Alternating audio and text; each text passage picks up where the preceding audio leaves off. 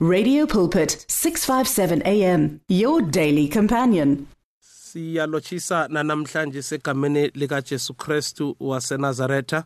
Eh moyeni ulochiswa ngumfundisi ubongani Ivan wakwanduli kuphi na kuphi la kufika khona umhatsho we-radio pulpit your daily companion. Siyathokoza nanamhlanje egameni likajesu kristu wasenazaretha eh singumfundisi bongani Ivan wakwanduli ovela endaweni yasemachiding ebandleni i-anointed gospel church. Siyathokoza namhlanje ukukuthola ubeke indlebe mlaleli we-radio pulpit.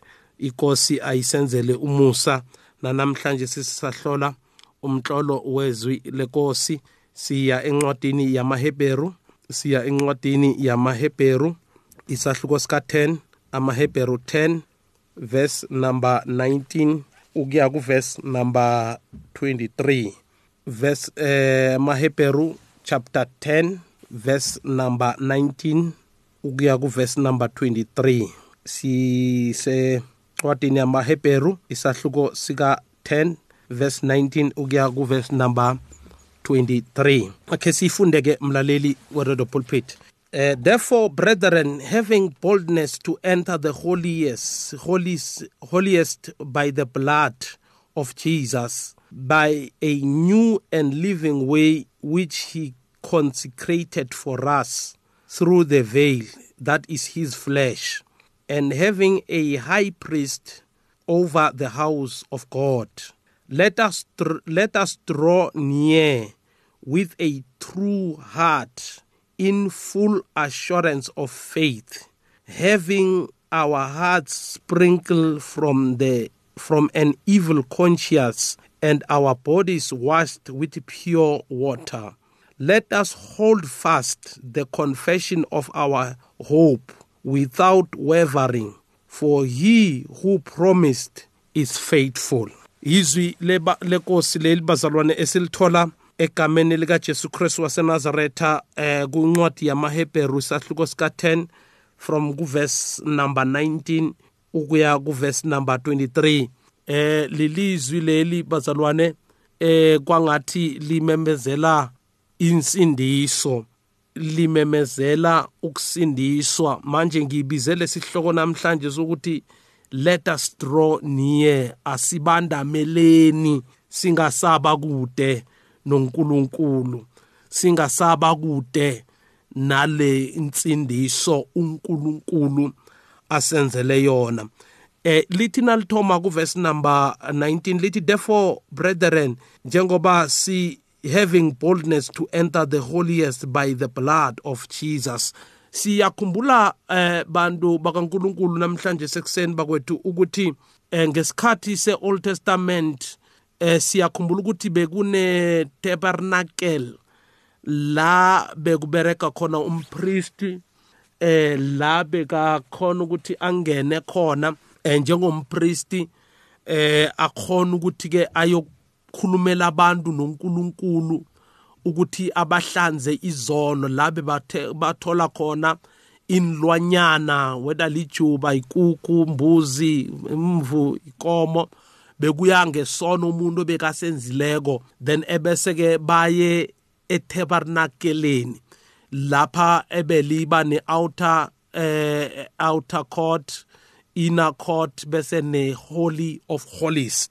Now lithi ibhayibheli eh, eh, ku-old testament umpristi bekangena kanye enyakeni eh nakhona nakangenako naye yemdele abe right angabi nesono. Emdele kube uright bambophe ngeketani la enyaweni bese iba nehloko ukuthi the more akhamba ngaphakathi kwe-holy of holies ebese ke ihloko le the more ilila bekuba nethemba ukuthi usaphila umuntu lo because nakangena lapha angasirehe eh bekafa on the spot then bese intambo abambophe ngayo bamdosa ngayo emtele nomuntu noma uningena ngaphakathi engcwele kungcwele ngcwele endaweni engcwele ngcwele bangena abantu bangasiright bazozitshela ukuba umkhipha nabo bafika bafele ngabo because of eh vele iglory beyibereka ngapho beyi very very very very eh beyi very serious indaba yakhona. So bewunawungena ngaphakathi emtelo kube right sona uyabona ukuthi ke bekunesihenqo lesi kunechila leli kune kuneveil le. Ehlukanisa iholy holies nengwa wengcwele. So now iholy of holies ingcwele ngcwele so now ungena ngakhona befele kube ungcwele ngcwele. So now manje bekuyi that process nakangene ngapho uyaba ukuthi enza whatever ukuthi abantu bahlale baclean bahlanzeke. So now beza abantu. So now eh uyabona ukuthi uJesu nakezako so siyakhumbula ukuthi nakafa eGolgotha lit bible isihenqo ebesikhulu the veil yadabuka phakathi. Manje beyenzela ukuthi sibe neaccess sibe neaccess inhlo yokhona ukuthi ngoba yena ube umhlatshelo ophilako wafa endaweni yethu. uJesu bekufanele kufe thina ngenxa yezono zethu mara wasifela uJesu. Ukuthi yemtele sibe nokuziyela kuNkulunkulu. Siye umuntu nomuntu aziyele kuNkulunkulu. Yena waba umhlatshelo ophilako waba umhlatshelo la ukuthi bafanele sife khona singasafi sikhona ukuziyela kuNkulunkulu siyozibawela ukulitshalelwa. Sikhona ukuziyela kungasaba nomuntu osiyela kuNkulunkulu ayosibalwela ukuthethelelwa kwezono but siziyele thina direct kuNkulunkulu emthandazweni nje sesiyakhona ukuziyela kuNkulunkulu. Ikulu into eyenzeka esiphambanweni bantwana bakaNkulunkulu bakwethu uJesu into asenzela yona ikulu. Angazi ngathana zange asifele ngasikuphi. Ngaba sikho ngaba sikho namhlanje sichumayela izwi. Sichumayela izwi nje sithi abantu akuvuleka amehlo ebantwini akuse ebantwini akuse ebantwini bonke abakhona emhlabeni ukuthi uJesu into ayenza esiphambanweni into ayenza afela mina nawe. Yinto ekulu ngendlela emangalisako. Let us realize what God has done for us. Sibabantu let us realize what God has done for us. Ngoba ingathana akusunga uNkulunkulu athumela uJesu indodana yakhe ukuthi ayosifela. Angazi ngabe sikuphi namhlanje. Ngaba lento uyabona yenzeka 2000 years ago. But thina besingekho ngaleso sikhathi nayenzakala. Sithi siphila namhlanje. Sithi sikhona namhlanje. Siphila. Siphila ngoba ngenxa yento uJesu asenzela yona. Esiphambanweni 2000 years ago. Namhlanje sila sikhona.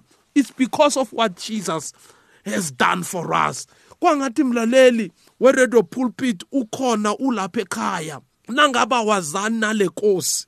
Nangabe awazani nale nkosi? Namhlanje yazana naye. Ngoba umsebenzi asenzela wona mkhulu.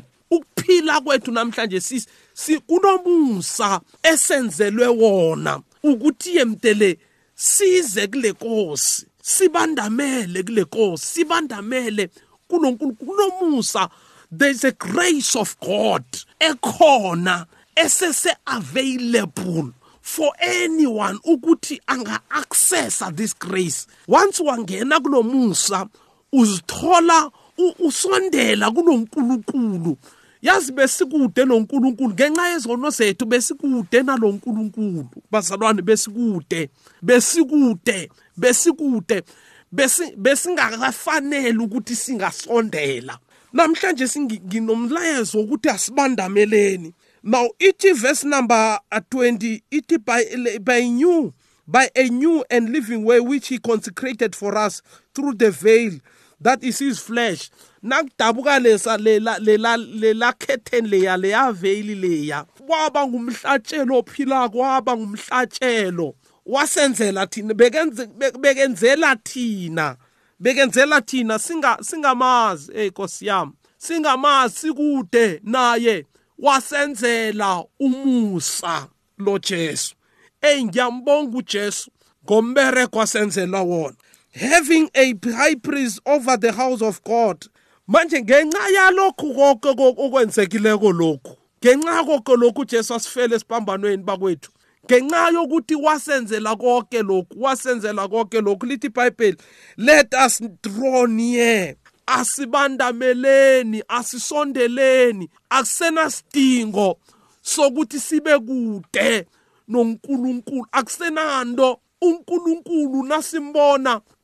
Lithi izwi lenkosi uJesu nakafundisa abafundi bakhe umthandazo lesithi mthandazo omkhulu baba wethu osezulwini uthi bathi sifundise ukuthandaza Jesu.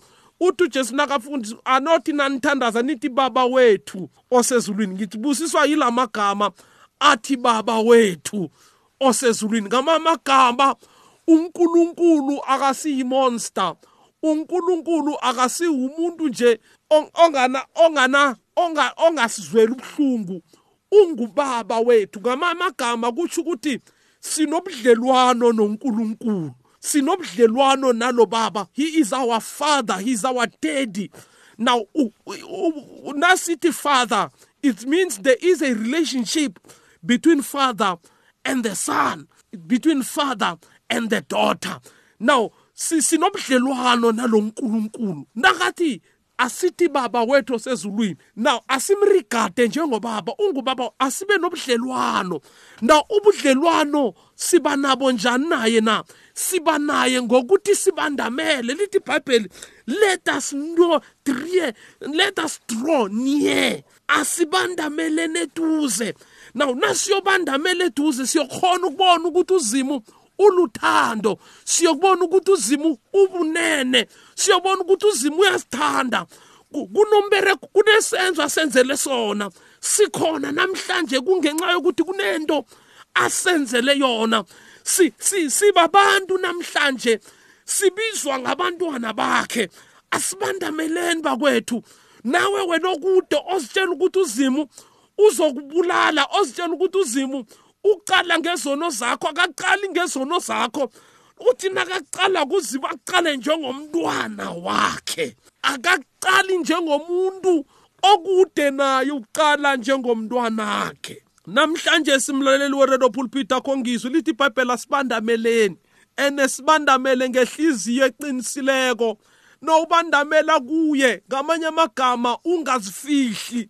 Ungazifihli ukuthi wena ubulele. Ungazifihli ukuthi wena bowusela utshwala ungazifihli ukuthi wena uyeba ungazifihli ukuthi wena uyaloya ungazifihli ukuthi wena bowenza u-one no two no three ungazifihli. Lithi ibhayibheli nasibandamela kulozimu asibandamele ngehliziyo eqinisileko uyabona ihliziyo yethu ngaphakathi lethu? Yi nasingakhipha inhliziyo zethu sizikhiphe sizibeke etafuleni. Kunabanye angeke bafuna ukubuyela ukuyithatha ihliziyo ngenxa yokuthi uyayazi ukuthi ihliziyo wakhe iyimbi kangakanani imbi kangangani. Namhlanje leyo hliziyo embi ingahlanzwa ngegazi likaJesu ibe mhlophe. Nkosi yami ngiyayizwa lento umlaleli weredo pulpit. Kunabantu abasebazitshela ukuthi angeke bakhone ukungena embusweni kaNkuluNkulu ngenxa yokuthi inhliziyo zabo ngendlela ezingakho. But hayi izimo thina sirehe ngendlela esingakho eh uzima ukufuna unjalo. Uzima akafuni ukuthi uzilungise ngaphambi kokuthi umamkele ukufuna njengoba unjalo uthi come as you are. Ngendlela ongakho umbulala unjalo umuntu owebako unjalo umuntu okhuluma amanga unjalo umuntu ochikanyetsa abantu otshontshela abantu iza njengoba unjalo. Ungazitshentshe ungazilungisi yena uzokulungisa. He's a restorer of the soul. Uthi uDavide ubuyisa umphefumulo wami umphefumulo wethu nawuwandara God is our restorer. uNkulunkulu unguNkulunkulu obuyisanako. Namhlanje lithi izwi lenkosi asibandameleni. Draw near kade ukhambela kude nesiphambano. Isikhathi sokusondela lesi. Sikhathi sokuthi yemdele uze kuye. Uthi lithi izwi lenkosi oza kuye akamlahleli ngaphandle. Abantu kungenzeka bakulahlele ngaphandle ngokuya kwe-lifestyle obowuyiphila ngokuya kwe-lifestyle oyiphilako. Ngithi namhlanje mina nawuza kuzima angeke akulahlele ngaphandle. Namhlanje ngiphethe umlayezo othi draw near ngendlela ngenxa yokuthi uJesu asenzele lokho asenzele khona asibandameleni. Asekho isidingo sokuthi sithi insindiso into yabantu abamhlophe. Asikho isidingo sokuthi isindiso ngeyabantu abathize. Isindiso nawe ikufanele. Nawe ulapha ekhaya ungilalele isindiso ikufanele ingeyakho. uJesu nakalenge siphambanweni bekalengela wena. Mina vane ngiyenze ibe personal ukuthi wakwenza konke wakwenzela mina. Nawe namhlanje singifuna ukuthi ukwazi lokhu ukuthi uJesu nakafe siphambanweni bekafela wena. Akunasidingo sokuthi ukhambele kude draw near. Bandamela bandamela mntana ekhaya bandamela gogo. Bandamela baba bandamela ma bandamela mntu omutsha.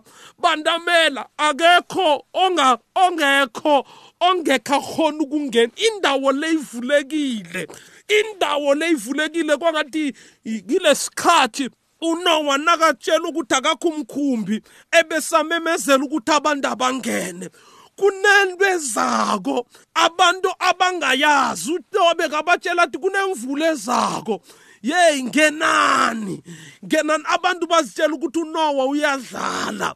Wababiza bokunowa wabakhela incanawu kunomzimba kakrestu kunebandla likankulunkulu elikubiza ukuthi ngena nawe. Indawo isesekhona.